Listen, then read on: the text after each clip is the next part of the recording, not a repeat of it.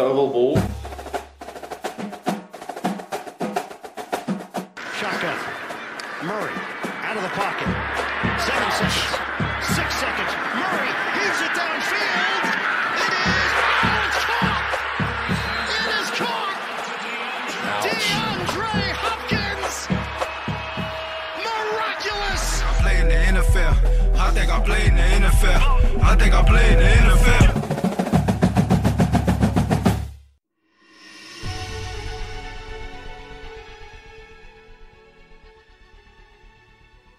Hjertelig velkommen til Oval ball.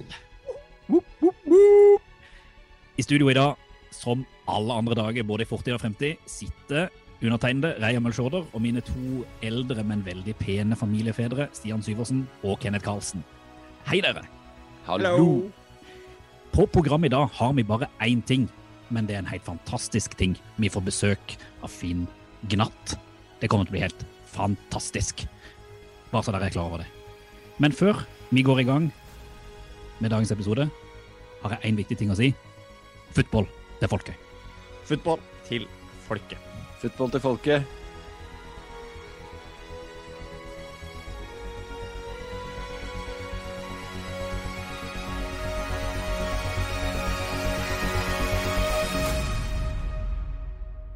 Nå har det vært lenge siden jeg har sett dere gutter. Fytti helsikes er vel kanskje det sterkeste ordet jeg kan få lov til å bruke på sørlandsk. Eh, men det er godt. Det er godt å se dere i et digitalt rom igjen. Eh, Stian, hvordan har de lange to ukene siden forrige sending vært for det? Og det har vært lange to uker. Mundigere. Nei, jeg jobber, når jeg jobber som lærer, så får jeg i hvert fall prata ut. Det er jo greit. Eh, Så det er stillhet hjemme. Men Ja, eh, veldig. Ja. men men eh, jeg har gjort eh, egentlig to ting som er verdt å nevne. Så kan jo dere velge hva dere vil snakke om, da. Eh, enten kan dere velge mellom å snakke om at jeg har vært og valgt hundevalp. Eller så kan dere få lov til å få innblikk i eh, gartneri Syversen. Hund. Hu- Hundevalp. Altså, fordi at man vet hvordan Kenneth har drevet med kylling og bygge hus i hagen. og liksom, altså, Det det, blir, det, det er bare grønne fjer. Vi er litt lei, Ja, så da ja. hundevalp, takk, hvis det er greit. Det er blitt Dyrepodden. Ja, det er den veien det går nå. Husdyr til folket. Ja, men det er det vi har drevet med i familien hos meg siden sist. Eh, vi har kommet fram til at vi skal ha hund. Og det er jo som hele Norge, egentlig, i løpet av denne covid-pandemiperioden som har vært nå, så har jo alle skaffa seg hund.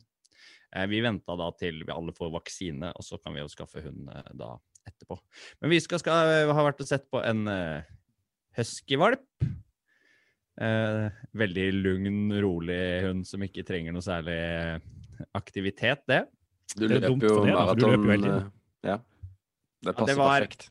Ja, det, det var jo det som ble tungen på vektskåla her. Eh, fordi vi skulle ha en hund som kunne være med egentlig i vårt liv. Da. Og da ble det, falt vi ned på husky som eh, kan både være med meg og kona å løpe. Den kan være med på friluftsturer, overnatte ute, være egentlig med på, med på det meste. Og så er det en veldig fin familiehund, da. Eh, eneste problemet er at det er jo en stor hund. Sånn at eh, jeg må ha ny bil òg. Det er så deilig. Så det her følger jo med seg. Du, du skaffer deg en ny hund, koster litt penger. Pokker må ha større bil, koster litt mer penger. Det er en god investering. Iallfall i kanskje Banken har helsa. penger, er ikke sånn. Ja, men du, Kenneth, du har jo også dyr. Åssen går det med dem? Jo, de eh, er nå De er jo nede i gangen fremdeles. Jeg husker ikke om de var der sist, men de er iallfall flytta ut av badet og ned i gangen på vei ut. eh, og så skal de snart ut i hønsehuset. Men jeg må få Jeg har mala det, da. Det er jo ferdig bygd, ferdig malt. Og nå skal det bare trekkes sånn hønsenetting rundt hønsegården. Eh, og så er det jo fugleinfluensa, så da har de ikke lov å gå ute uten eh, tak, så jeg må lage et tak til hønsegården i tillegg. så det er jo interessant. Men eh, det er da nå ser det ut som det er to haner og fem høner blant de sju, da. Så det er bra. Det er god uttelling. Så vi gleder oss til det.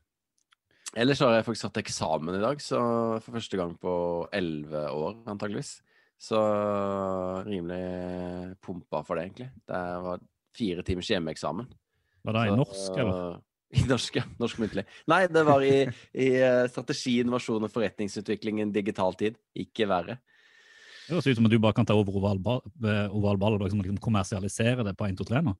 Eh, ja, tvilsomt. Men eh, nei, det var, eh, det var egentlig litt gøy, faktisk. Det var, det var faktisk gøy å studere igjen. Eh, noe som jeg var litt sånn i tvil om jeg ville synes når jeg begynte på det. Men det var faktisk litt gøy.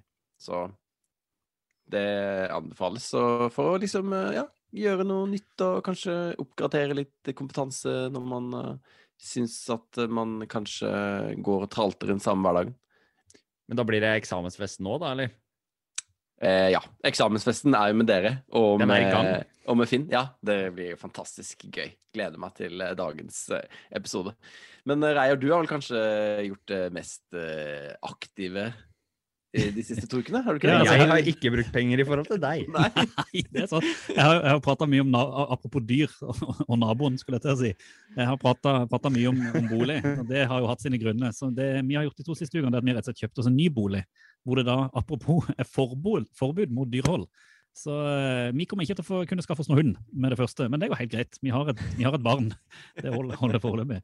Så eh, vi har kjøpt oss et, eh, en, en tomannsbolig litt utenfor eh, Oslo. som Hvis man leser Aftenposten de siste dagene, så er vi liksom, vi er akkurat som alle andre. Vi er liksom median. Alle flytter ut av Oslo for tida. Vi gjør akkurat det samme.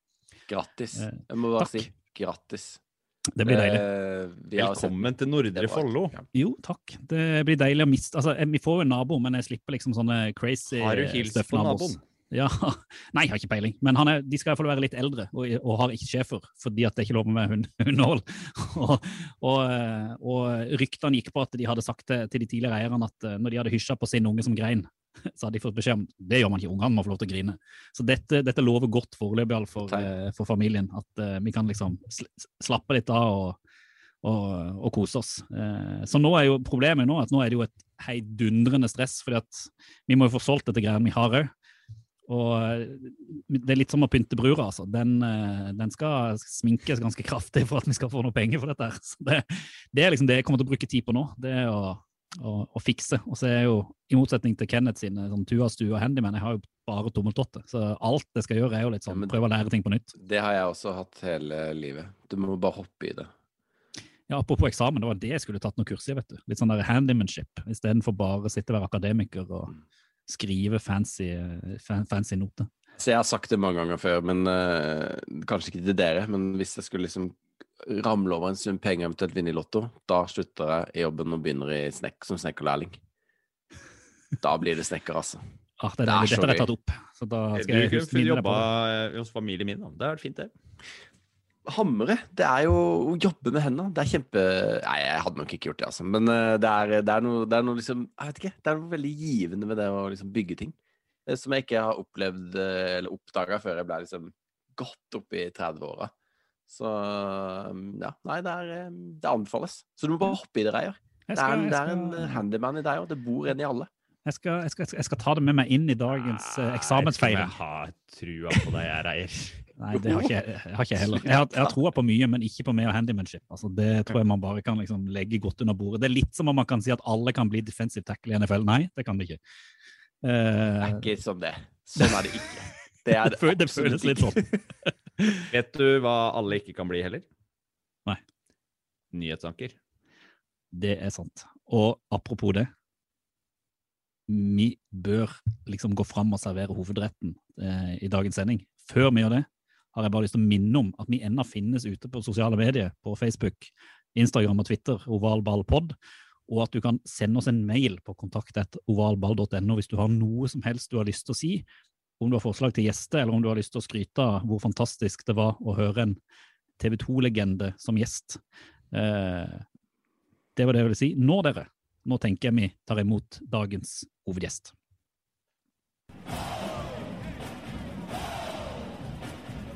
Ovalball. Fotball til folket. Vi ønsker velkommen til en sann TV 2-legende. Født og oppvokst down under, men som hjemflytter ble han en del av det norske svømmelandslaget og deretter landslagstrener i svømming. Selv er han kanskje mest kjent for å mangle i hermetegn, en N i fornavnet, ettersom foreldre, foreldrene hans ville ha et navn på tre bokstaver på alle sine sønner, og allikevel ville kalle han Finn. Ellers har han vært en del av TV 2 siden oppstarten, og er kjent for å ha stålkontroll på nesten all sport, ikke minst amerikansk idrett og sjakk, og heldigvis for oss alle typer idretter med oval ball. Vi ønsker velkommen til Superbowl partyfikser Finn Gnatt.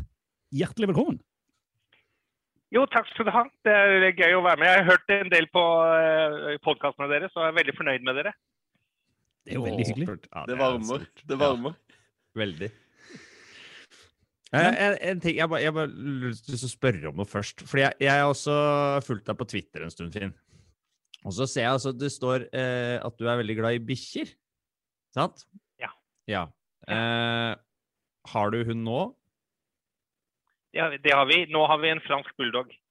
Nemlig. For jeg eh, la fram eh, tidligere her at jeg skal også skaffe meg hund nå, så jeg lurer egentlig på om du har altså, liksom, topp tre tips når man anskaffer hund. Har du noe liksom Hva som er smart ja, å tenke over på forhånd? Hvilke feller bør Ja, jeg måte unngå å gå i? Eh, eh, det er livsstil. Altså, det må kle din livsstil. Eh, og der syns jeg egentlig vi har vært flinke. Vi hadde eh, Hvis du, som vi har hatt, og som sønnen min er veldig opptatt av å ha, har en bokser, eller en hund som trenger mye mosjon, så må det være også din livsstil. Eh, sønnen min var ni Mm. år da vi fikk bokseren vår. Da hadde han lovt sin mor at han skulle ha minst én lang tur med den hunden de neste tolv årene, mens hun levde. Og det gjorde han! Eh, og, det, og jeg måtte love det samme. Eh, når vi, når vi, de andre hundene vi har hatt, vi har hatt eh, mopser og franske bulldogger og sånn, da er vi over på sånn at det krever vesentlig mindre. Fordi han, bulldoggen min nå f.eks., han liker ikke å gå noe særlig hvis det regner eller hvis det er veldig varmt. Da syns han korte turer er tingen. Så du, du, må, du må velge en hund som passer din livssituasjon. Nydelig. Det skal jeg ta med meg, og det tror jeg kanskje vi traff. Vi har valgt å, valgt å anskaffe en eh, husky, da. Eh, så da blir det ut og løpe litt. Det gjør det jo. Jan løper veldig mye. Ute i skogen. Og, og, og legg merke til hvem andre møter du på de verste regnværsdagene? Hvem andre møter du ute i skauen? De andre hundeeierne. Sånn at eh, det å eie en hund, det, da er det mindre sannsynlighet for at du får hjerteinfarkt. Mindre sannsynlighet for at du trenger eh, psykolog. Så å eie en hund er sunt. Ja, nydelig. Det, det skal jeg ta med meg. Det er et bra argument for å, for å anskaffe hund. Det er det absolutt. Eh, men du har jo også du driver jo Jeg vet ikke, vi nevnte svømming også i introen her nå. Er det noe, er det noe svømming om dagen nå, eller har du gått litt lei? Jeg har også hatt et par kompiser som har bedrevet en del svømming, og når de har gitt seg, da har, det vært, eh, da har de knapt nok vært i bassenget etterpå. Åssen er det for din del? Jeg har hatt lange, jeg har hatt lange pauser med ingenting svømming eh, på agendaen. Så har jeg hatt perioder hvor jeg har vært litt flink og vært med i den der mastersgruppen som er her i Bergen. Mm. De fikk en alvorlig knekk under pandemien nå, da de stengte badet. Eh, Så nå har jeg vært ute av bassenget lenge igjen og har veldig alvorlige planer om å komme godt i gang igjen, sannsynligvis til høsten. Og da vil jeg gå og svømme som trim et par ganger i uka. Og jeg, og jeg, akkurat nå er det Europamesterskapet som foregår i Budapest òg, så jeg følger veldig interessert med og, og heier veldig på det norske landslaget og, og de som er med der. Eh, Og har forventninger til at Henrik Kristiansen f.eks. kommer til å gjøre vesentlig bedre i OL i Tokyo enn han gjør akkurat nå i Budapest. Hva slags disipliner var det du, er det du svømmer når du svømmer sånn mosjon? Er det alle sammen, eller er det liksom mest crawl eller mest bryst, eller? Jeg var, jeg var i, da jeg var aktiv, var jeg primært butterfly og crawlsvømmer, altså frisvømming. Eh, kunne ikke svømme bryst og medley. Sånn at eh, jeg har e- en NM-tittel individuelt, den var på 200 meter butterfly. Det er sånn at jeg, jeg kan umulig gjennomføre en 200 meter butterfly nå. Det er altfor langt for den gamle skråten min nå. Eh, så det går mest i å svømme crawlsvømming, ja. Den butterfly-teknikken er så, jeg syns den er så estetisk og så fin å se på. Så de som får til det der, det er eh, veldig imponerende, altså. Absolutt. Det er det kuleste. Butterfly er kulest. Ja, ja. ja. det er jeg helt enig. Det ser, det ser veldig grasiøst ut. Eh, Jeg har lyst, før vi, før vi hopper rett inn i NFL og fotball Du er jo født og oppvokst i Australia, så vidt jeg forstår. Eller iallfall eh, altså vært Australia og New Zealand. Eh, Ja, vi var fram og tilbake mellom de to landene der. mm. Ja. Eh, og der nede... Så jeg kom til Norge for første gang som elleveåring.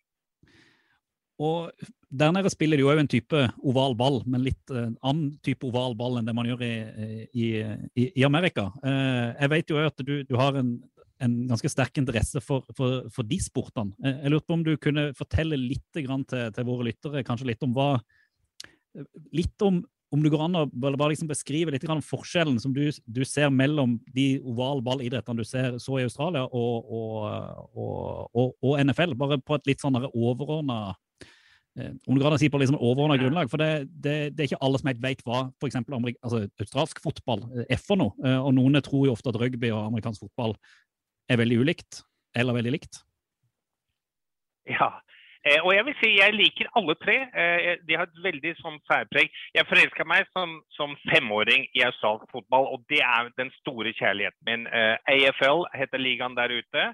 Og det spilles kun på proft nivå, på et høyt nivå i Australia, selv om det er en liga rundt omkring i verden. Det er en, ganske oppegående liga i Danmark f.eks. Men, men du kan kun leve av det hvis du bor i Australia. Og det er veldig annerledes enn enn veldig mange andre. For det verken er offside eller denne begrensningen som du har i rugby. I rugby får du ikke lov til å kaste ballen foran deg. I rugby må du jo kaste ballen bak deg. så det er egentlig, ja. Eh, mens i australsk fotball så har du ikke lov til å kaste ballen i det hele tatt. Må, den kan drives framover ved å sparke den, eller å slå den ut av hånd, din egen hånd med knytta neve altså den, fra den andre hånda. Eh, veldig atletisk, veldig stor bane, gjerne sånn 160-180 meter langt. Eh, og det, jeg, jeg syns det er et helt fantastisk eh, skue altså følge med på det. Eh, og, og, rugby er jo veldig annerledes enn der igjen. Du har en ting som, i rugby som ligner litt på amerikansk fotball, er at du har disse her scrums hvor, eh, hvor, hvor de store gutta går ned eh, inn i sånne møljer mot hverandre. Litt som ligner på når du, når du setter i gang i, i, amerikansk fotball, bare at de er, de er, jo helt tett innpå hverandre. De løper ikke mot hverandre, de er allerede der. Eh, men eh, de, de, tre idrettene, ja, de bruker en noe lignende ball. Men de, er, de har veldig sine særpreg alle tre. Veldig fascinerende alle tre, og ganske forskjellige. Hvor stort er NFL i Australia og New Zealand? Er det interesse for det i det hele tatt, eller er det på en måte rugby og, og, og, australsk fotball som liksom dominerer totalt? Det gjør det. Eh, og rugby på New Zealand, eh, AFL, altså australsk fotball i Australia, bortsett fra to stater i Australia hvor rugby er større. Eh, også, men sånn som i Australia, er det, for det første er de er en enorm eh, sportsinteresse i det landet. Altså Sportsinteressen i Norge er ganske laber i forhold. Eh, og det forholdet at en del, Austral, en del har gått fra australsk fotball til å bli puntere i NFL. Altså en, Noen australiere lever godt av å spille NFL, eller har gjort det. Det har, eh, det har økt interessen for NFL. så det, eh, Du har det, det, samme som vi har her, at det litt, spilles litt på feil tidspunkt av døgnet i forhold til eh, når, vi, når man kan se kampene. Men, men, det er en generell interesse for alt som er av idretter i, i Australia. sånn at jeg vil si den kanskje, jeg, vil, jeg, tror flere folk i Australia følger med på NFL enn vi foreløpig gjør i Norge. Så uh, den All or Nothing-serien som ligger ute på Prime. Der kan du følge uh, All Blacks, som er da landslaget til eh, New Zealand i, i rugby. Og hvis man ikke er, har liksom god innsikt i, i, hva det innebærer, da, så er det faktisk en serie som er, er verdt å se for å få, få innblikket. Og der snakker vi om kanskje et av de største og mest populære eh, rugbylagene som, som eksisterer, og som har den haka-dansen òg, som er uh, særprega og utrolig kul å, å, se. da. Takk for at du nevnte det. for at uh, det, det hadde vært uh, I New Zealand så er rugby nesten religion. All Blacks er, eh, det er nesten hellig.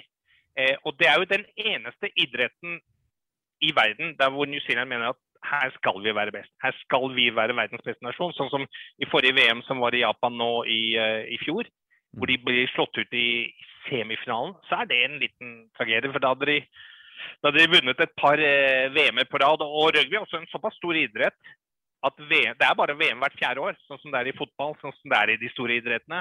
Så neste mulighet er 2025. Så, så The All Blacks i New Zealand, det er helligdom. Mm. Altså, jeg, for det, det, jeg, var jo sånn, jeg har vært interessert i NFL lenge, men det var vel VM for om det er seks år siden nå eh, i rugby, hvor jeg bare ble komplett hekta. Jeg brukte ei uke på å sette meg ned og lese alle regler, rugbyregler for å forstå liksom hvorfor det hele tida blåses. Og så husker jeg ennå, dette er bare sånn for å, hvis folk har lyst til liksom skulle se en kamp på nytt, når Japan slo eh, Sør-Afrika eh, i en gruppespillkamp. Det var liksom den største upseten i rugbyhistorie noen gang. Den husker jeg satt og så live. Og eh, det er liksom, Hvis man har lyst til å lyst til et startpunkt for, for en rugbyinteresse, så er det et fint sted å starte. altså. Det var en sånn eufori som jeg nesten aldri har opplevd. Og, så Jeg har jo advokert i denne poden at vi gjerne skulle prate mer om rugby. Det kommer vi nok ikke til å gjøre, men jeg, jeg benytter muligheten siden du er Finn. Det har liksom fått snika inn litt rugby. og, og det var starten. Og, og, og fire år seinere, da de hadde VM For det der var 2015. Jeg Mm. og sønnen min var borte og så eh, faktisk The All Blacks mot Georgia i Cardiff. Eh, når vi først hadde sjansen, når, når, når det foregikk i Europa, vi hadde muligheten. Det var en kjempeopplevelse. Vi endte opp med å bo på samme hotell som All Blacks. Traff noen av gutta i heisen, og, jeg hadde noen fantastiske opplevelser.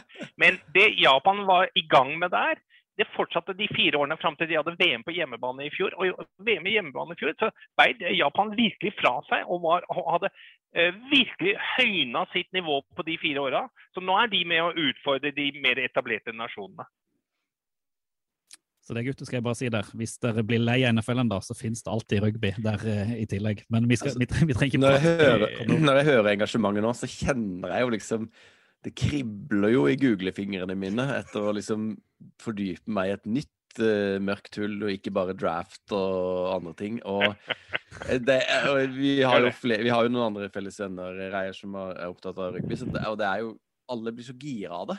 Og det er det jeg opplever, men når for jeg hører folk som har plutselig funnet ut at rugby er kult, så blir, er de helt sånn gærne. Så det er jo veldig fristende, det må jeg si.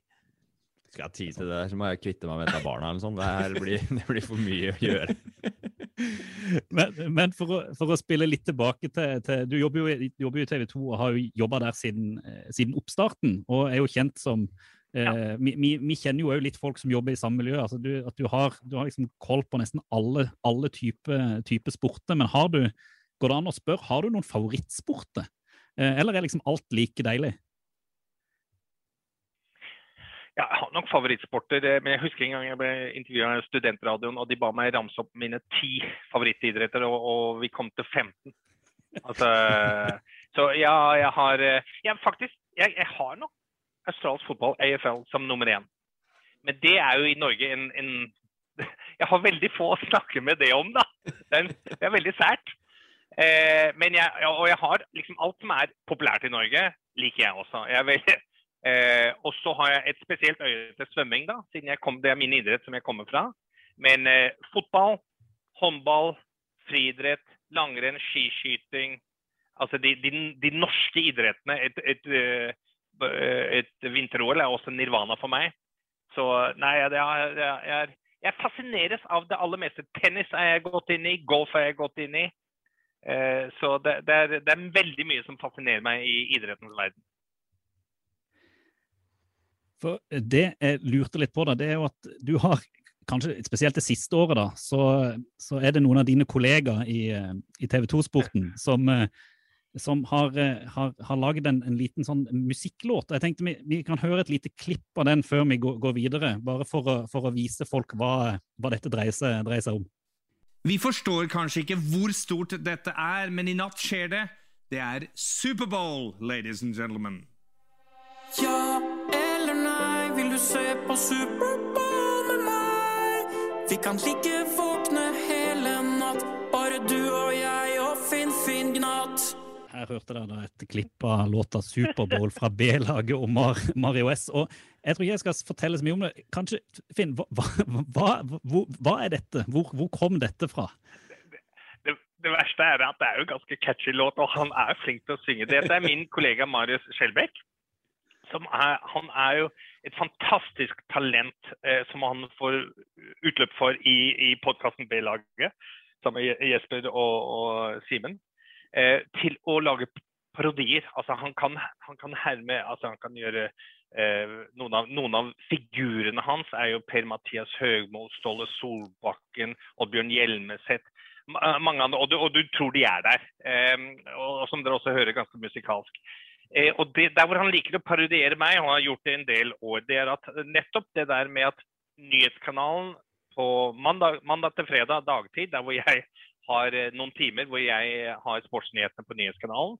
Der liker jeg å ha med nattas NHL, nattas NBA, gjerne NFL eh, i den sesongen.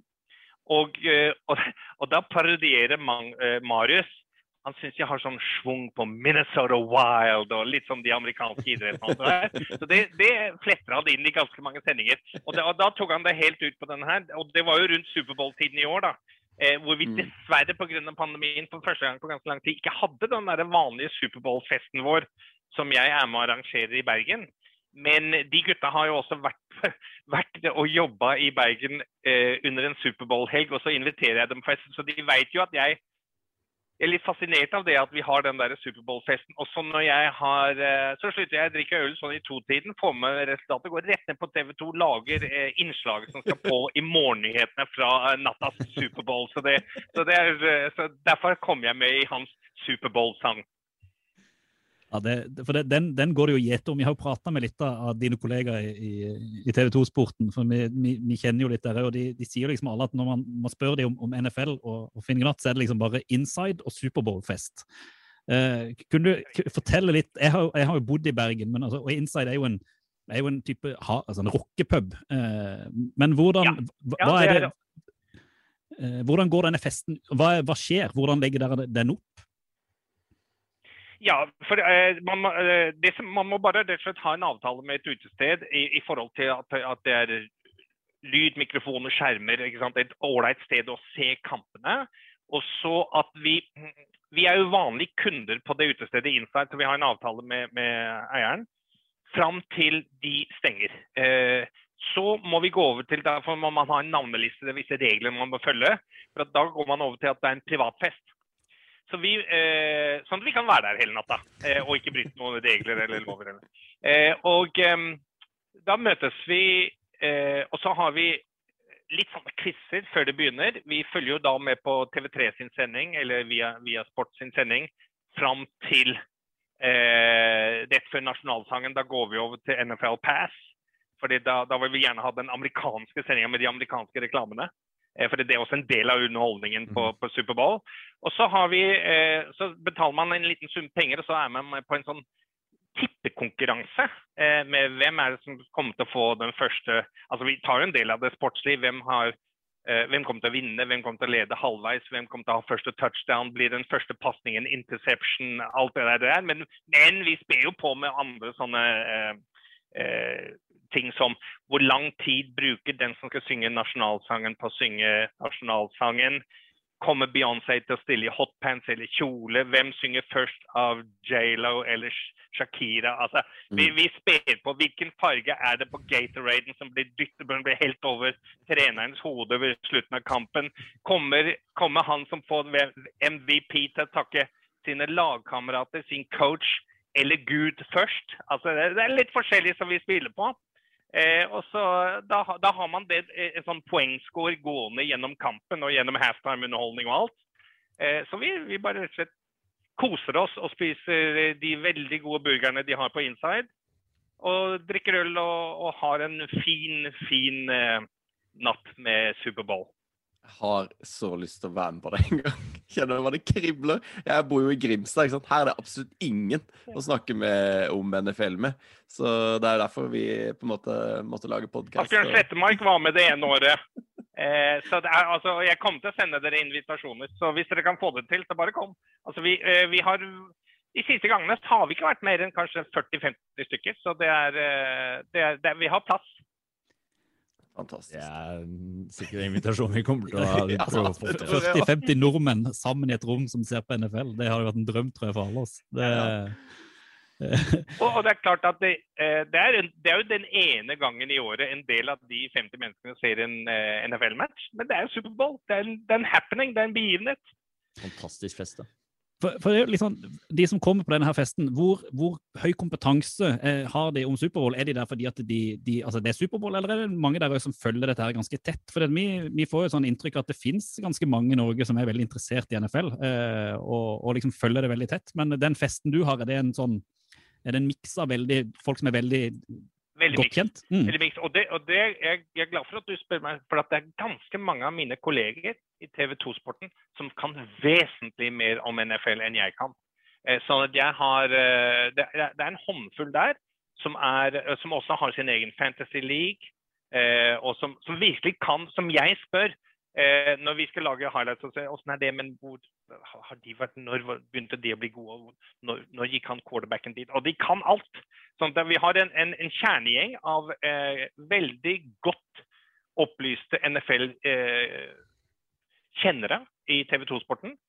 Eh, og og så sånne som meg som kan litt mindre, men som følger med så godt vi kan. Og så på den festen der kommer det jo folk som, eh, som ikke visste at det var noe som het NFL engang. Så der har du, der har du hele registeret. Det, det høres ut som den festen er definisjonen av fotball til folket. Der har du liksom, du inkluderer Ja, alt og, og får, det, får det fram. Ja da.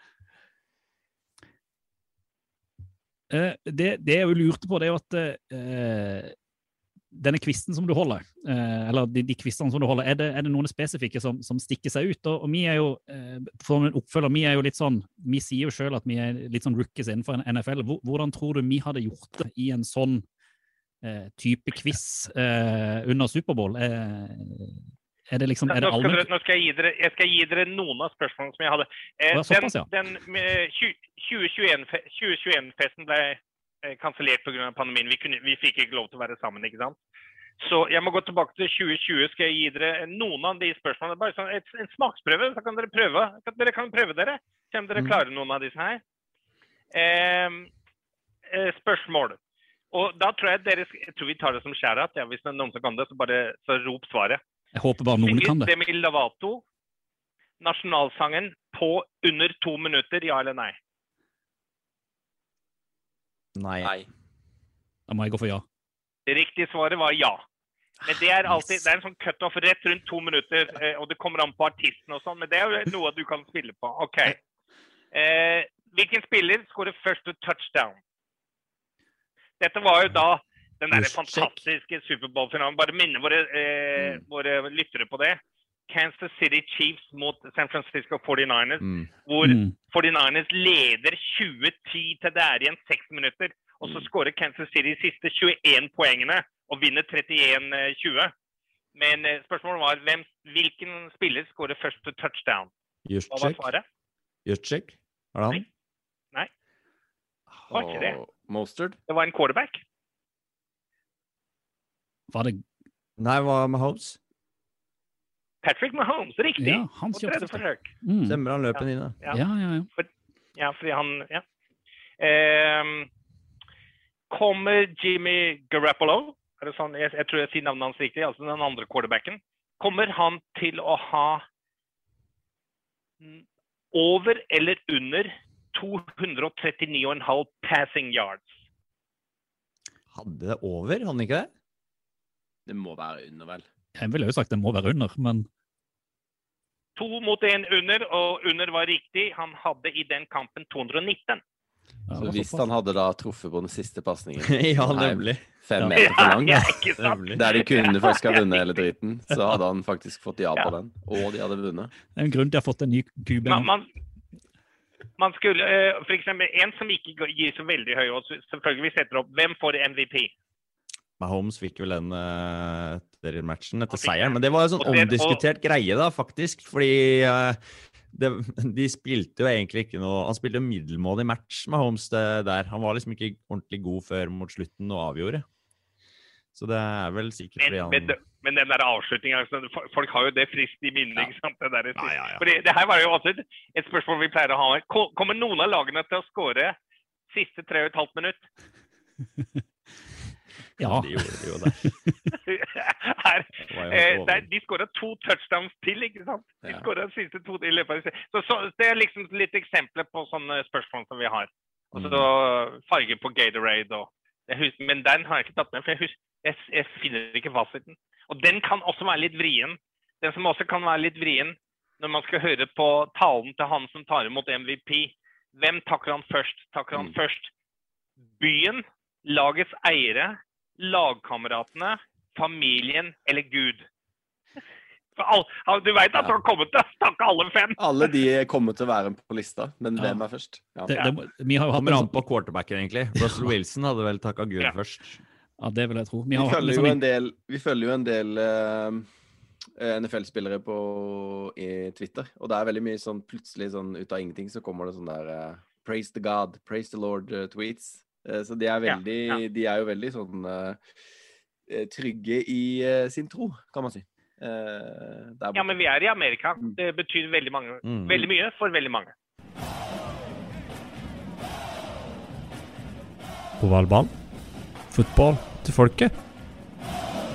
Eh, Du har, så vidt jeg forstår, en fetter som heter Lars, eh, som er er veldig god venn med en som er i NFL sin Hall of Fame.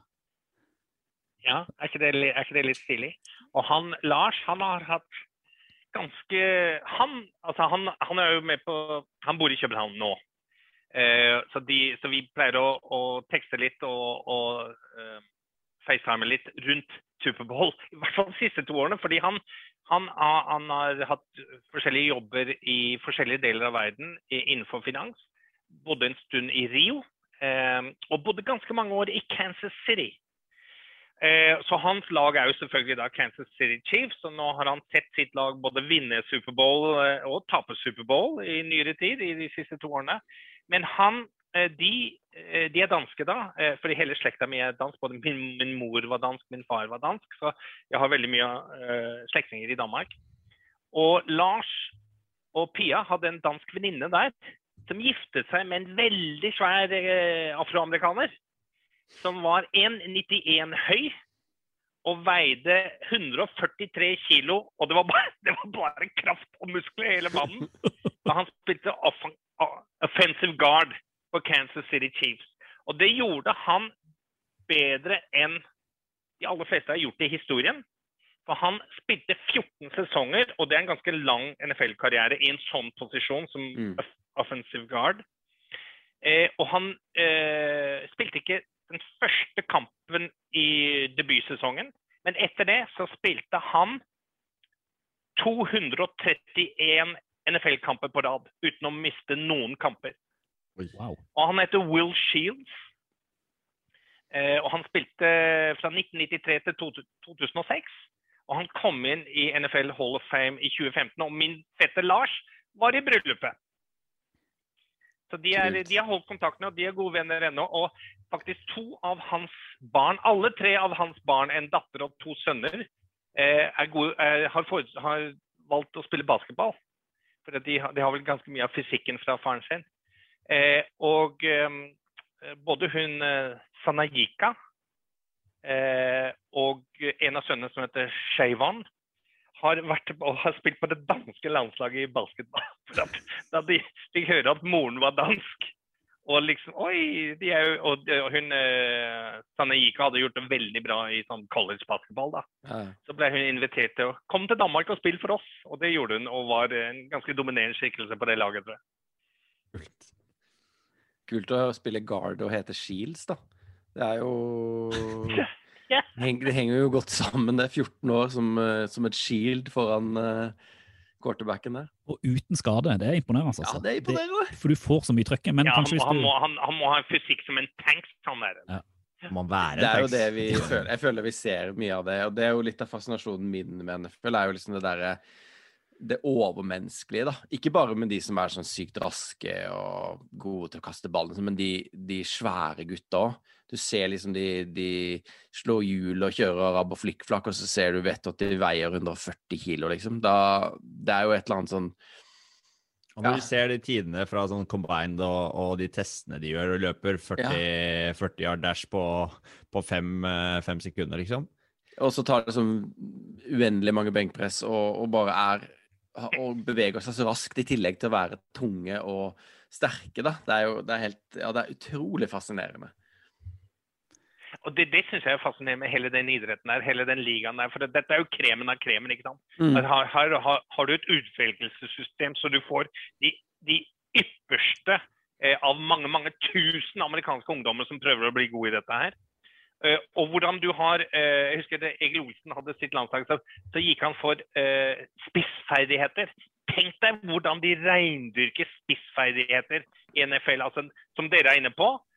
Noen av de gutta har liksom vært på sprint, sprintlandslaget i friidrett. Mm.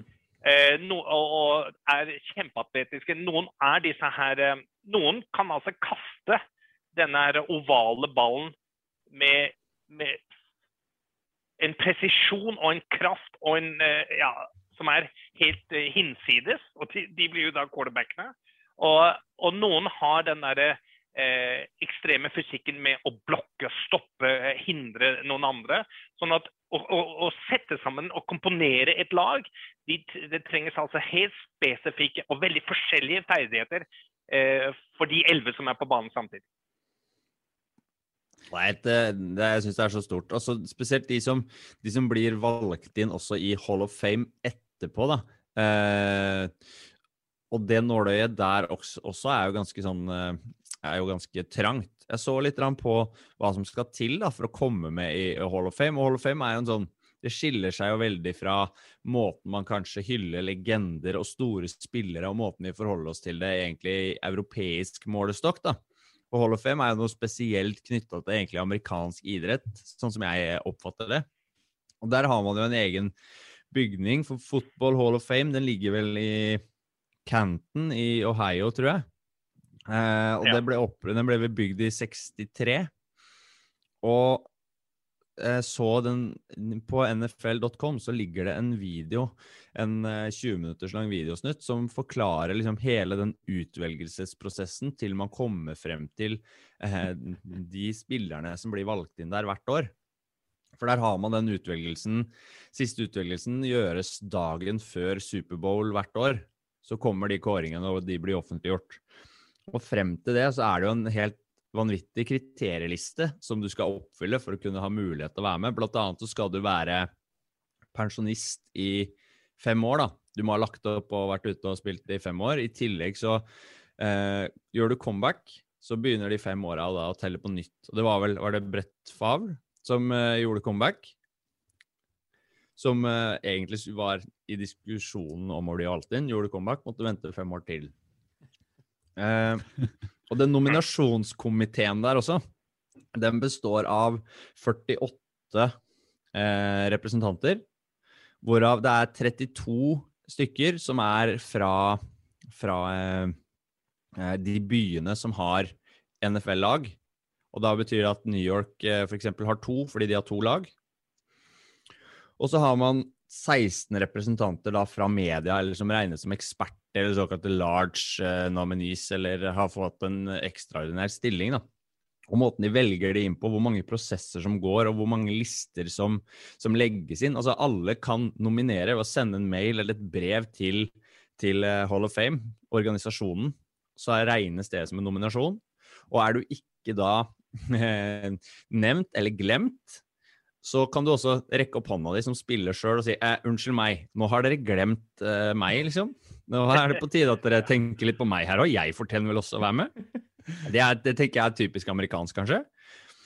Eh, og da, hvert år før 1. mars, så får da Da begynner arbeidet, da. For da har den lista blitt komprimert ned til en sted mellom 100 og 150 spillere som skal vurderes inn i Hall of Fame. Som da gjennom flere avstemninger ender opp da i, eh, i det som blir um, Hall of Fame-lista. Blant annet fra uh, mars til november så tror jeg det er snakk om at de, de kommer ned på liksom de 15 beste i løpet av den prosessen.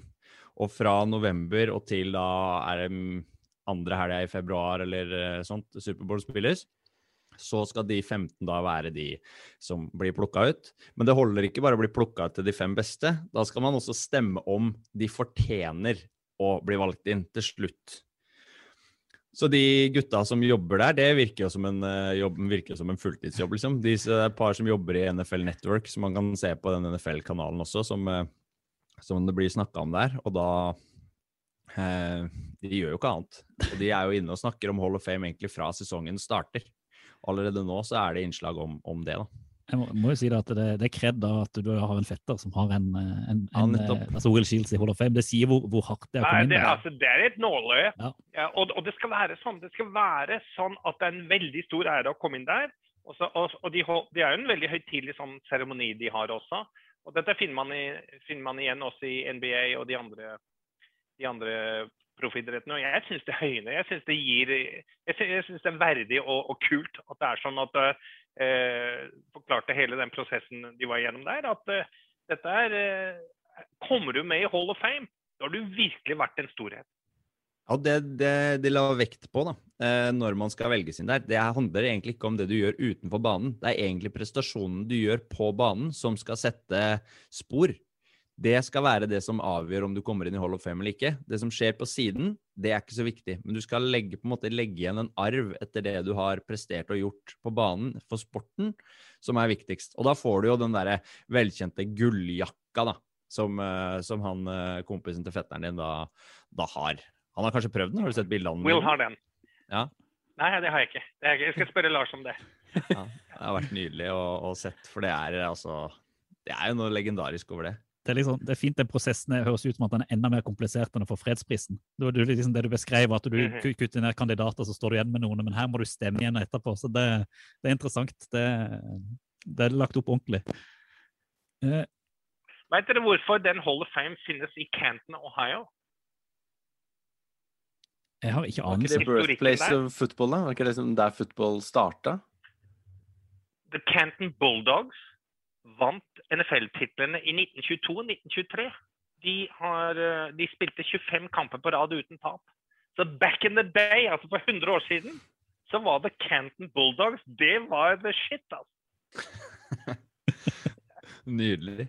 Men da er vi jo liksom Vi nærmer oss jo egentlig inn på Hvis vi skal snakke litt om amerikansk idrett, amerikansk eh, og NFL Hva er det som skiller den amerikanske idretten kanskje fra den europeiske? Hva er det som gjør egentlig amerikansk idrett så, så interessant? da, Spesielt for deg, Finn, som, har, som følger det såpass tett da, på, på flere fronter enn en NFL. Eh, kunne du sagt litt om hva du liker med den amerikanske idretten? Ja, fordi, og, og, og jeg tror dette her må egentlig, Man må ha dette litt i mente når man vurderer eh, Når du, du ser protestene i Europa, protestene i England mot denne her planene for Super League. Disse amerikanske eierne av Premier League-klubber som finner på at ja, men skulle vi ikke hatt en Super League? Kunne ikke det vært ting? Og de, de er vant til sin amerikanske måte å tenke på. Og jeg, og jeg er veldig enig i de som protesterte her i Europa. Jeg er glad for at ikke Super League blir noe av i, i europeisk fotball. Men, men, men det er en helt annen historikk, en helt annen måte disse ligaene har oppstått og blir ivaretatt og har sin misjon i, i den amerikanske underholdningsindustrien som de er en del av. da. Eh, og da kan vi tenke NHL, som begynte med seks kanadiske og amerikanske lag, og som nå er utvidet. Eh, eh, og det var liksom sånn i rundt sånn New York, Toronto, den delen av, av det nordamerikanske kontinentet, og som nå er overalt. Altså, og du har eh, over 30 lag. Litt den samme utviklingen med, med NBA, hvor man slo sammen to forskjellige ligaer. eh, ABA var det noe som het, og så ble det NBA fra slik vi kjenner i dag, egentlig på, på 70-tallet. Og så har du NFL, eh, hvor vi nå har hatt Superbowls vel siden 1967. Det var også sånn og, og, og det har også utviklet seg altså Du har de der to forskjellige ligaene, du har divisjoner, og så kommer de til sammen. Men det ender opp uansett med den, den store finalen som heter Superbowl i, i første lørdagen, første helga, unnskyld, første søndagen i, i februar. Eh, og der hvor det er en helt annen mekanisme, som jo er rent kapitalistisk og veldig amerikansk, dette med hvor har vi store markeder. Den byen har ikke et NFL-lag den byen har et økonomisk grobunn for å ha et NFL-lag, ergo bør vi ha et NFL-lag der. Litt merkelig at Los Angeles var uten NFL-lag ganske lenge, og nå har de to. Eh, Mm. men, men hvor også lagene kan flyttes til et annet marked hvis det er, hvis det er bedre sånn fundament for det laget, og så flytter man fra én by til en annen by. Så det, det, er, det er den kapitalistiske delen. Men, men for øvrig så har amerikanerne innsett at å ha et sånt system som du ender opp med i europeisk fotball, hvor det er kun tre lag som kan bli portugisisk mester i fotball. Det er kun to lag i Skottland. Det er, kun, det er noen få lag i, i Spania og England. Sånn vil de ikke ha det. det, de mener at skal man holde interessen over hele kontinentet, beholde seertallene på TV, eh, markedsinntektene, så må, ha, så må de ha et system som de gjør at får de der dynastiene hvor det samme laget er det beste laget i det landet i 40 år eller 100 år. Eh, så det at du har både det draft-systemet som gjør at de dårligste laget får de største talentene inn, og ikke minst at du har en, en, eh, et lønnstak, en salary cap, som gjør at det er ikke mulig for en Sånn som vi opplever det her, altså den perioden der hvor Rosenborg hadde mer penger alene enn de øvrige klubbene i Tippeligaen den gangen hadde til sammen. Eller hvor bare uh, 70% av alle TV-inntektene i Spania går til Real Madrid og Barcelona. Og så må de øvrige lagene dele de resterende 30% Der sier amerikanerne at sånn kan vi ikke ha det. Vi må ha en jevnere fordeling. Det må ikke være sånn at noen lag kan bare kjøpe seg til suksess ved at de stadig vekk gir de høyeste lønningene. Fordi vi må ha det sånn at uh, etter noen år uh, Selv om New England Patriots vel har eh, gått litt mot, mot hva som er ideen der. Eh, etter noen år, eh, hvis du har vunnet noen titler, hvis du har vært i Superbowl, vunnet Superbowl, så må du, ned, så må du bygge opp et nytt lag igjen når, når de beste gutta gir seg der. Og da kommer det et annet lag fra en annen by og skal overta hegemoniet. Sånn at de der utjevningsprosessene, som egentlig er litt sånn sosialistiske i sin, i sin tilnærming, det er altså at vi må, ha, vi må ha et jevnt Alle må kunne konkurrere. Alle byer, alle fans i eh, USA må kunne drømme om at eh, deres lag en eller annen gang vinner eh, Superbowl. Til og med hvis du er fra Cleveland, må du kunne ha den drømmen. Eh, det syns jeg er noe av det beste med måten de amerikanske ligaene er eh, satt sammen, og hvordan de eh, drives. Vi, litt flåsete, så kalte vel vi det det mest sosialdemokratiske ved det amerikanske samfunnet. Og det er noe med den Ja. måten å organisere idretten på der som, som i alle fall fremstår mye mer rettferdig, men også spesielt annerledes da, for oss som er vant til kanskje engelsk fotball spesielt, som står veldig sterkt i Norge, og har vokst opp med det, hvor Ja. penger rår.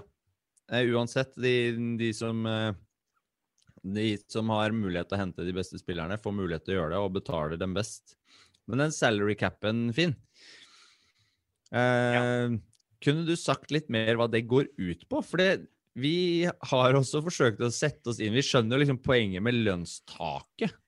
Men hvordan blir det liksom fordelt? For du ser at klubber også omstrukturerer kontrakter og gjør altså, finurlige ting for å komme under den summen som er satt opp hvert år. da. Ja, så, og, og de detaljene der er jeg ikke så veldig gode på. Sånn jeg er mer på det helt sånn basale, grunnleggende. Hva er prinsippet her? Eh, og det er to, to uh, sunne prinsipper som ligger inne der, og som vi også har i NBA, som jeg kjenner litt bedre til. Det er um, For det første så er det en, en uh, totalsum som ingen lag får lov til å ha i totale uh, lønnsutgifter.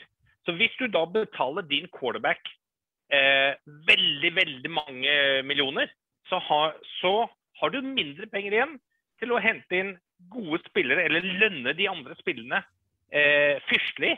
Eh, fordi da, da vil du ikke kunne havne under det der lønnstaket. Eh, og det du var litt inne på, det er at eh, de, de må beregne litt sånn fordi noen av avtalene er gjort sånn at eh, hvis de har et år hvor de fordi en eller annen stjerne har forlatt dem eller lagt opp, at de har et år hvor de plutselig har en del å gå på i forhold til lønnstaket, så kan de lage en, en, si en, hente en ny spiller og gi han en syvårskontrakt, med at han får veldig mye av pengene det første året. Og så får han mindre utover, eh, sånn at de tilpasser seg sin salary. Og, du kan, du kan, og veldig mange ganger så er det motsatt. Eh, og der kommer noen av eh, klubbene i trøbbel noen ganger. Hvis de, hvis de backender sine avtaler en del, sånn at du får mer og mer eh, altså Si at du skal i snitt tjene 30 millioner dollar i året. Men så begynner du på 20 og ender på noen og 40. Så kan du få et veldig stort problem i den klubben hvis det er flere som kommer inn omtrent på likt og har back-ended eh, contracts. Fordi plutselig så Oi. Eh, men der er det, der er det forskjellig i de forskjellige ligaene om du bare om øh, Der kan Hvis en klubb bryter lønnstaket, så må de betale en tilleggsskatt som fordeles mellom alle klubbene. Sånn at hvis du da går, betaler dine spillere til sammen for mye i lønn i forhold til lønnstaket, så må du betale en ekstra skatt som da kommer dine konkurrenter til gode. Så det er sånn, en nydelig sånn er tanke, sosialistisk utjevnings, utjevningspolitikk. Apropos sosialdemokrati, altså, det er jo nesten sånn, det lukter sånn den der planøkonomi og kommunisme her, men det er jo, det er en veldig sånn fin fordeling i hvert fall ut til at det blir litt likhet. Den Men grunnideen er, at, grunnideen er at ingen lag skal være det beste over all tid. Alle lag skal ha oppturer og nedturer, sånn at det er mulig for de andre lagene å få sine oppturer. Sånn at du opprettholder interessen i alle de byene som har et lag i NFL. Ja, så kaller de det egentlig altså Den kommersielle siden av det, som du var inne på i starten her, da. De legger jo ikke skjul på at det er det det handler om heller. Når man ser på Raiders som ble flytta fra Oakland til Las Vegas, f.eks. Der er det, det er veldig tydelig at det er penga som Eller måten de kan kommersialisere og gjøre eh, interessen større, gjøre organisasjonen større. Det er det som må gjøres her for for underholdningens del. da. Det er jo en, en slags sånn eh, sirkus, og, eller brød og sirkus, nesten, hvis du trekker sammenligningen tilbake til det gamle Romerriket. At man skal underholde folket. Det er det man driver med her. Og det syns jeg er det kanskje mest fascinerende ved den amerikanske idretten. da. Det er veldig spesielt for, en, for familiefedrene etter hvert. At de kan bli trada, solgt til andre, til andre klubber. Eh, jeg hadde en periode Øystein Jarlsbo som en av sjefene mine i TV 2. Han, da, han var på hockeylandslaget sjøl i sin tid, han er i VG nå igjen. Eh, men han hadde vært på en NHL-kamp, eh, fordi de har jo mye av de samme mekanismene. Han hadde vært på en NHL-kamp hvor eh, de to eierne, ah, eller, eller de som driver de to klubbene, hadde gjort en avtale mens lagene varma opp. Gikk inn i hver sin garderobe og sa til hver sin spiller vi har solgt deg til det andre laget, du spiller for de. Så måtte han gå inn i det andre garderoben, skifte til den drakta og spille for det andre laget istedenfor. Og det kan være at ok, du bor i Denver, men du har akkurat blitt solgt til Buffalo. Da må du gå hjem til mor og si «Øh, nå skal vi bo i Buffalo istedenfor. Så det er ganske spesielle. og det- Men de, de tjener jo veldig solide lønninger. da. Det er jo litt eh, kult det med draft nå, at liksom eh, Det er ikke noe sånn Det er ikke noe spørsmål, på en måte. Og eh, det er veldig sjeldent man ser at spillere liksom setter seg på bakbeina nå. Trevor Lawrence nå, som gikk nummer én i draften som et type generational talent, og hadde vel kanskje ikke akkurat Eller hadde kanskje lyst til å spille et annet sted, men der ble det Jacksonville, altså. Kommer ikke unna det. Nå er han Jacksonville for life, han. Eller kanskje ikke for life, men i hvert fall i starten nå. så er det vel Det er jo en av de tinga som, som kanskje, hvis man ikke følger med, da, eh, som kan virke veldig spesielt, at spillerne egentlig bare godtar å bli trada til, til eh, det dårligste laget. Som førstevalg i, i, i draften, f.eks. Hvorfor sier de ikke nei? Hvorfor sier de ikke nei, jeg har lyst til å spille for, eh, for eh, Bucks eller for Kansas City Chiefs fordi de er best. Jeg vil heller spille der. Når jeg er best, så vil jeg spille der. Og den, da virker det nesten som det er innprenta i den amerikanske sportsånden, sportssjela, at det er den måten her det foregår på. Det er sånn vi konkurrerer og driver profesjonell idrett på høyt nivå i USA, og det er den måten her vi skal drive det på. Jeg vet ikke om du har noen tilleggskommentarer der, Finn? Hvorfor det ikke blir med diskusjoner kanskje rundt uh, hvor de draftes og hvor de beste talentene ender opp? Ja, det, er, det, er, det er nesten rart at de godstyrer, Men, men ja, som du sier, fordi det har det har de vokst opp med. Sånn er det. Dessuten så ligger jo den muligheten at når de er ferdig med sin Fordi de får, de får ikke så uh, godt betalt i, i, sin, um, i sine første sesonger. Altså Da er de på en sånn, litt sånn rookie-lønninger. Eh, og Derfor så er de kontraktene ofte ikke av en så lang varighet heller. Sånn at det er på en måte ikke en livstidsdom heller. Altså det, det, Hvis du gjør det bra, så, så, er det jo en mulighet for at du kommer til å bli trada til et annet lag. Og der kan du, og du kan få et ord med i laget hvor, hvor du havner eh, ved neste korsvei. I hvert fall hvis du gjør det veldig bra. Dessuten er det sånn at det vil jo ikke lønne seg for en veldig lovende quarterback å komme på det laget som allerede har ligaens beste quarterback. For da får han jo ikke spilt. Så han bør helst komme til et lag der hvor den unge quarterbacken kan få sin mulighet ganske fort. Så er Det er sånne vurderinger òg. Og så er det vel også sånn som vi snakka litt om i starten, at den, altså dette er jo de Det er ikke bare de som er gode i fotball som er det, det er liksom de beste atletene i USA kanskje som driver med amerikansk fotball. da. Så når du først får mulighet, når du først blir drafta, da, så er det så sykt stort. eh, for alle, eller for alle som blir drafta. da. Bare det å kunne komme inn i ligaen. Samme hvilket lag du spiller på, ikke sant? fordi det er bare, det nåløyet er så trangt. da. At du er bare kjempeglad for at, liksom, at den muligheten finnes. Så jeg tror det også er liksom en viktig, viktig del av det. da. Du ser jo bare hvor glade de blir alle sammen. Samme hvilken klubb de, de havner i. Ja, jeg, hadde, jeg hadde en veldig talentfull nivø i australsk fotball eh, som bodde i Melbourne.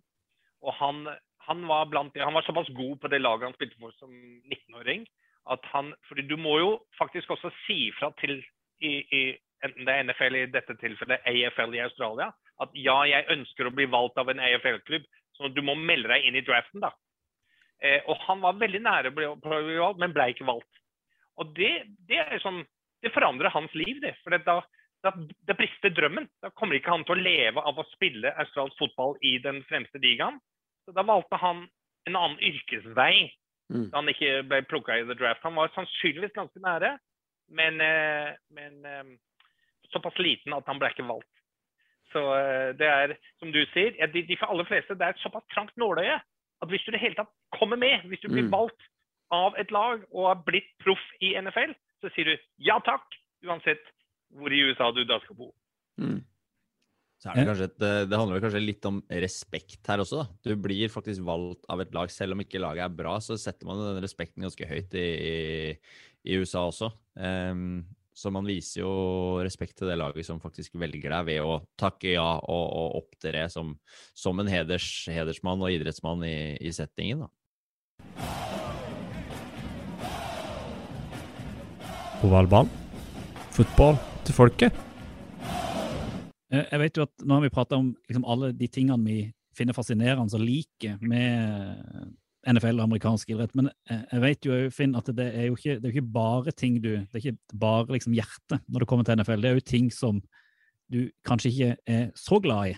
Eh, Og en av de tingene som jeg vet, handler jo litt om, om, eh, om Ja, bare, bare utdyp. om eh, vi, vi har, det, jeg syns det var fire veldig spesielle år vi hadde i USA da Donald Trump var president. Eh, og, og samtidig så hadde vi denne bevegelsen som har vokst seg sterkere, og særlig betød veldig mye i 2020, som heter Black Lives Matter. Eh, hvor vi, hvor eh, afroamerikanere fremdeles lever egentlig i frykt for sitt eget politi i veldig mange byer i USA. For at hvis du er svart, hvis du er mørk i huden, så er det større sannsynlighet for at du vil bli utsatt for politi-harassment eller vold, eller bli skutt og drept av, av politiet.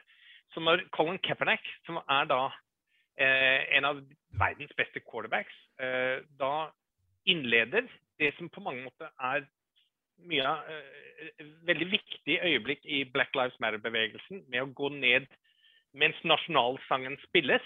Og det har vært nok en sånn skyteepisode hvor en amerikaner har blitt drept av hvit politi et eller annet sted i USA.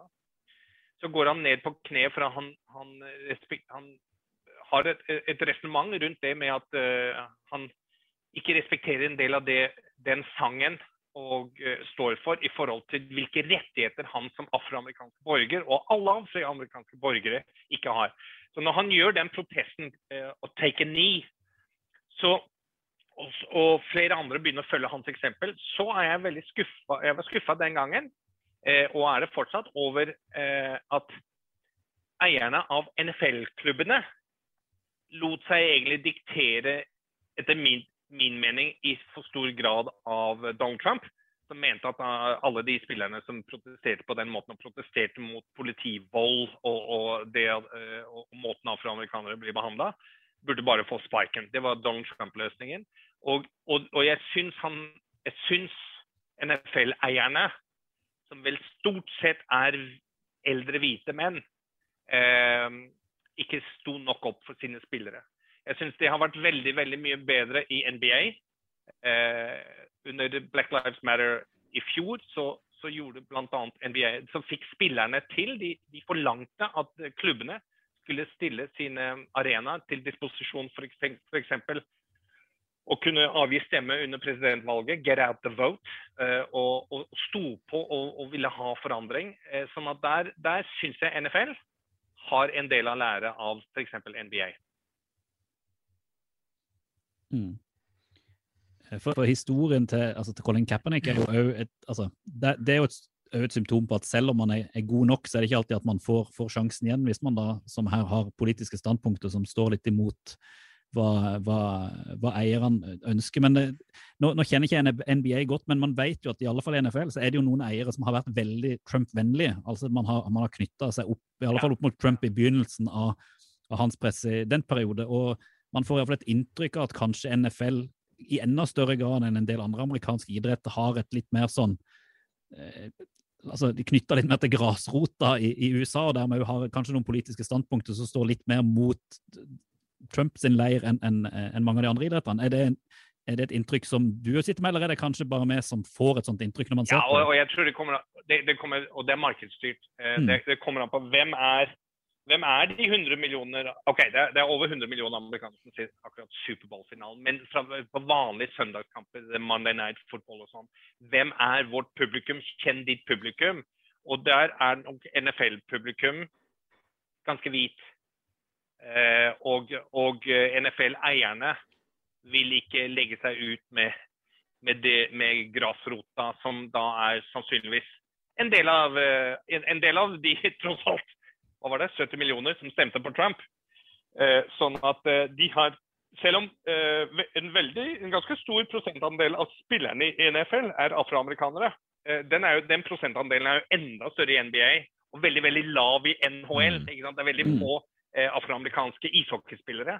Eh, så, så tror jeg at eierne eh, også skjeler til det økonomiske. At de vil ikke de vil ikke tulle med, eh, med hvem, hvem er det som til syvende og slutt betaler regninga her. eh, For at dette, denne businessen skal gå rundt. Og det er i veldig stor grad eh, de som skrur på fjernsynsapparatene sine og ser på NFL-kampene, sånn at det kommer reklameinntekter inn.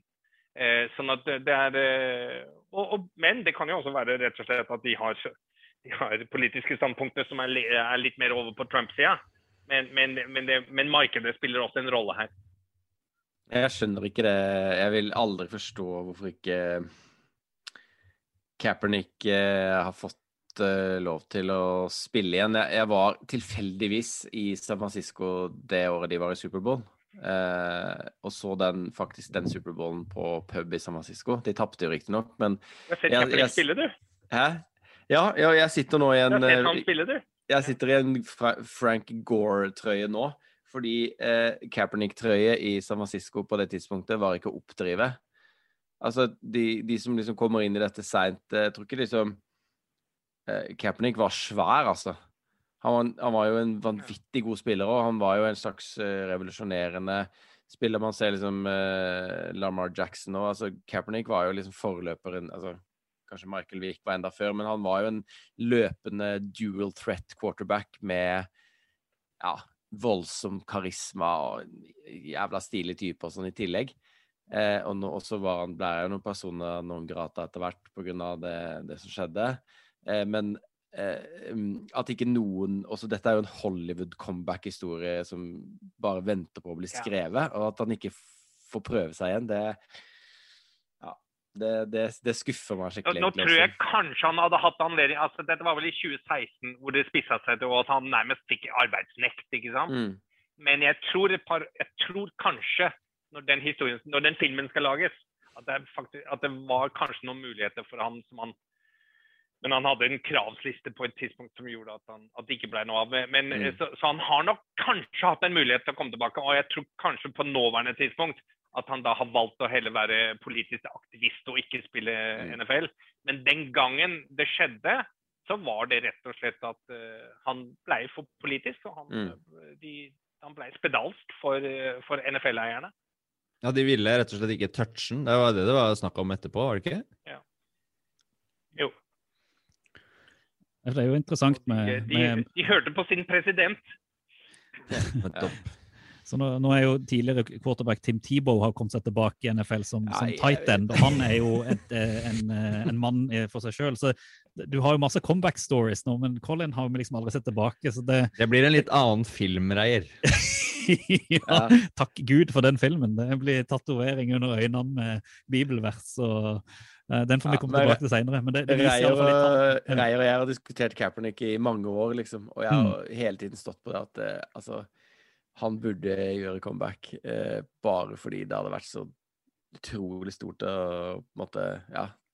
Bare manuset der hadde vært var fantastisk. Men det er som du sier, jeg tror ikke det blir noe av nå, egentlig. Nå begynner han å bli litt oppi åra også, så det er ikke sikkert Ja. han vil heller. Eh, vi, vi begynner jo Tenk å, noen og å nærme oss litt mot, uh, mot, vi- altså, mot slutten. Uh, men jeg, jeg lurte egentlig, for det vi ikke har spurt om, har, har du noe, noe type favorittlag i NFL, eller en, en, uh, en by du følger, følger mm, altså, tettere enn andre? Ja, jeg jeg er egentlig to. Eh, men dere må ikke, dere må ikke spørre meg om alle spillerne på laget. For jeg har for dårlig eh, detaljkunnskap. Men jeg bare har bestemt meg for at det skal være laget mitt. For jeg, jeg har en softspot da for Kansas City Chiefs pga. min fetter Lars. Så vi har jo det, han, han fikk jo den derre Og dessuten, da, fordi en nordmann har jo spilt der og vært, vært kicker der og vært eh, Mm. god der. Mm. Eh, også fordi det var jo Stenerud, ikke sant.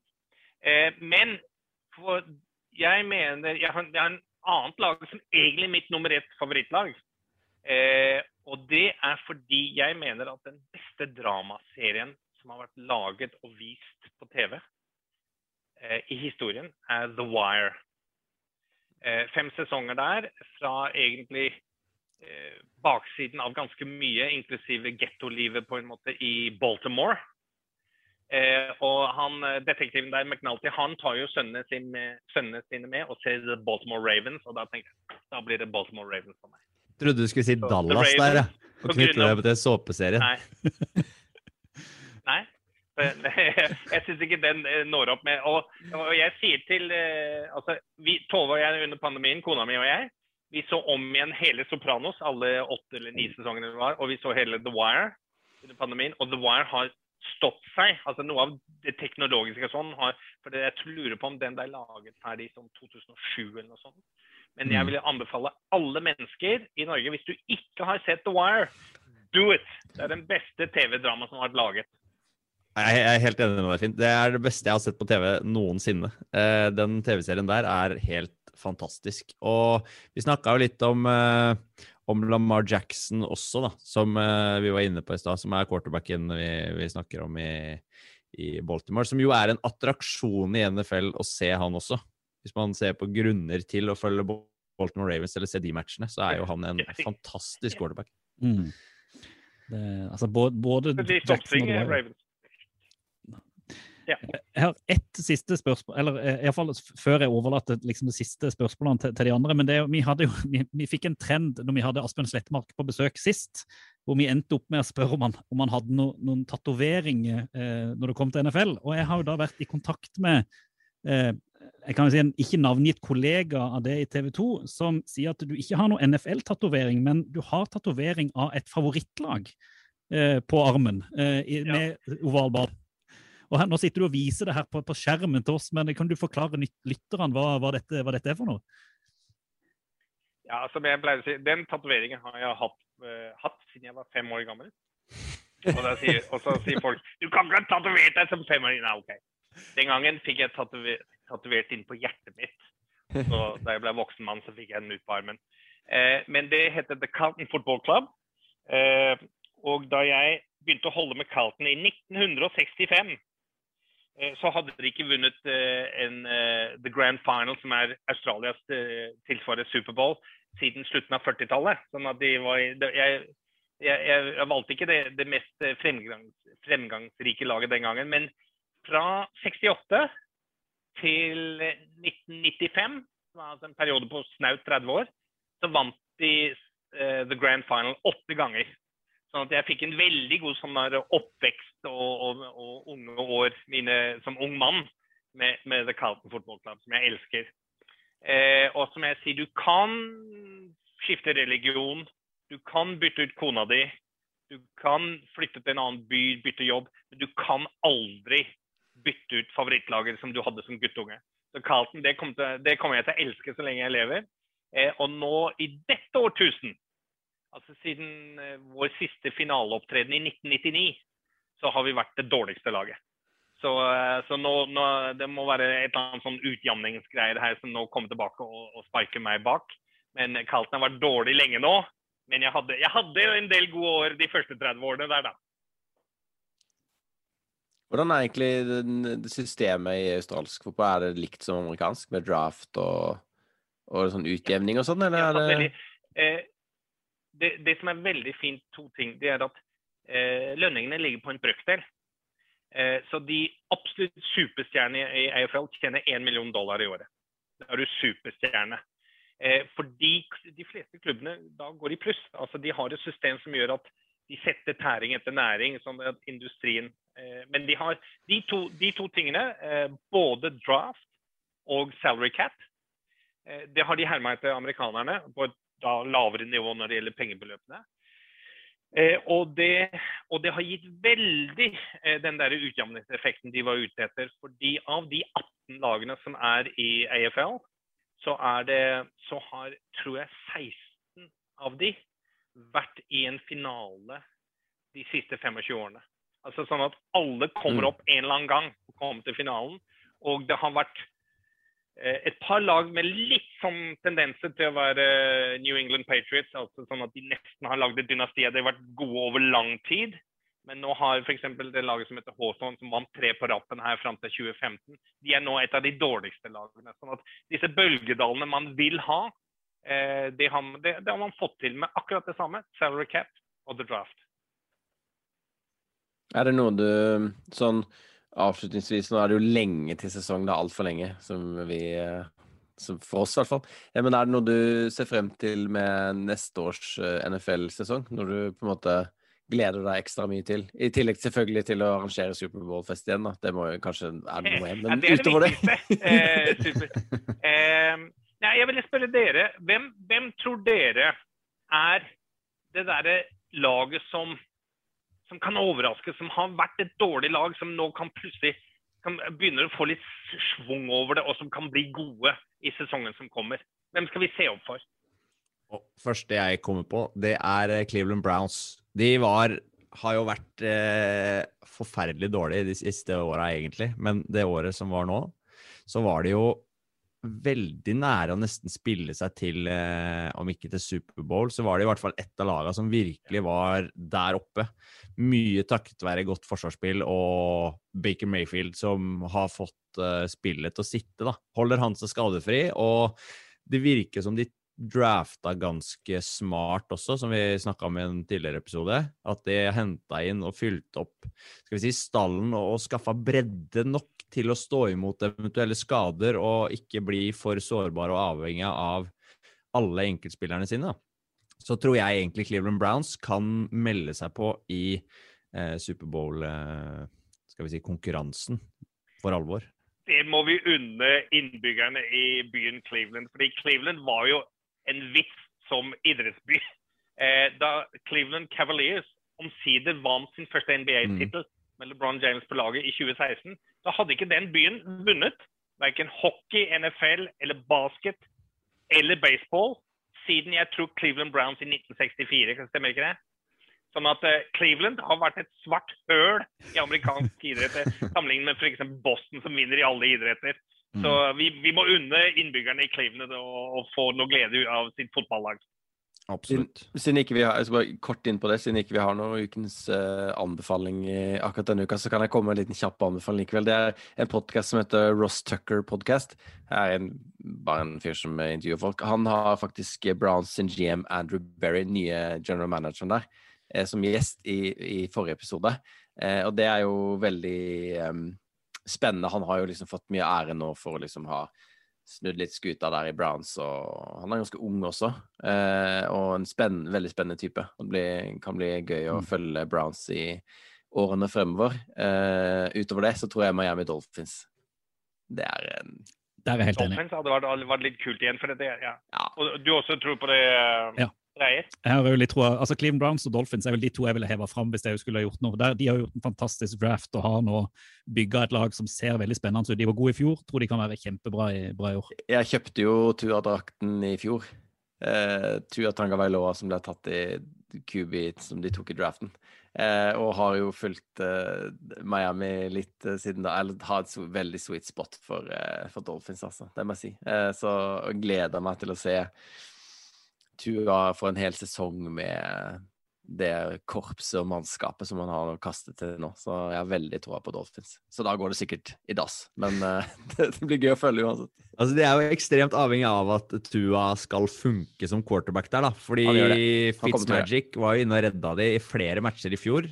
Og hvis ikke Tua viser seg å være den uh, venstrehendte superquarterbacken som han skal være, så kan dette her bli eh, eh, tungt for Dolphins, egentlig. For da må de hente en ny. Kan jeg avslutningsvis bare eh, spørre dere noen sånne random eh, NFL-quiz-spørsmål? Kjør på.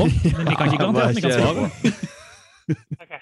Hvor mange for jeg tenker, det jeg, likte, det jeg liker veldig godt med den podkasten dere har laget, jeg har hørt ganske mye på dere, det er at dere får til den miksen, føler jeg, som er litt vrien. Det at dere henvender dere til de som allerede kan en del om NFL. Og dere har åpenbart et ønske om å henvende dere litt bredere og som en slags introduksjon til folk som ikke kan så mye om NFL. Prøve å få dem litt interessert og hekta også. Så jeg tenker, Hvis jeg stiller noen spørsmål, og de er litt sånn random facts, da kan det bare være liksom da kan folk bare legge det i banken. Ting du ikke visste om NFL, som du fikk eh, høre på denne podkasten i dag. Så, jeg spør gutter. Jeg spør. Hvor mange baller plikter hjemmelaget å ha tilgjengelig for en NFL-kamp? 17. 20. Ikke noe dårlig tips, men svaret er enda høyere. 25.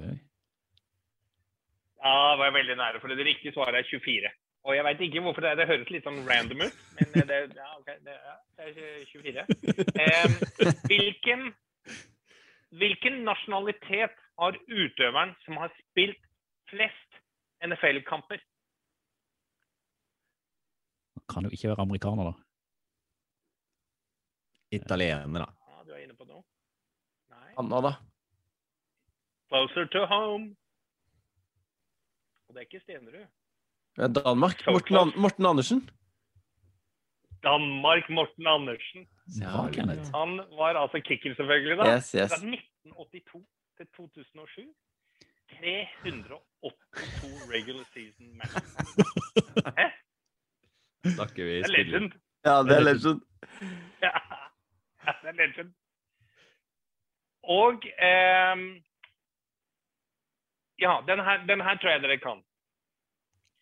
Hvilket lag har gått ubeseiret gjennom en hel regular season når, e- etter at vi fikk 16 kamper? En 16-sesongs eh, regular season.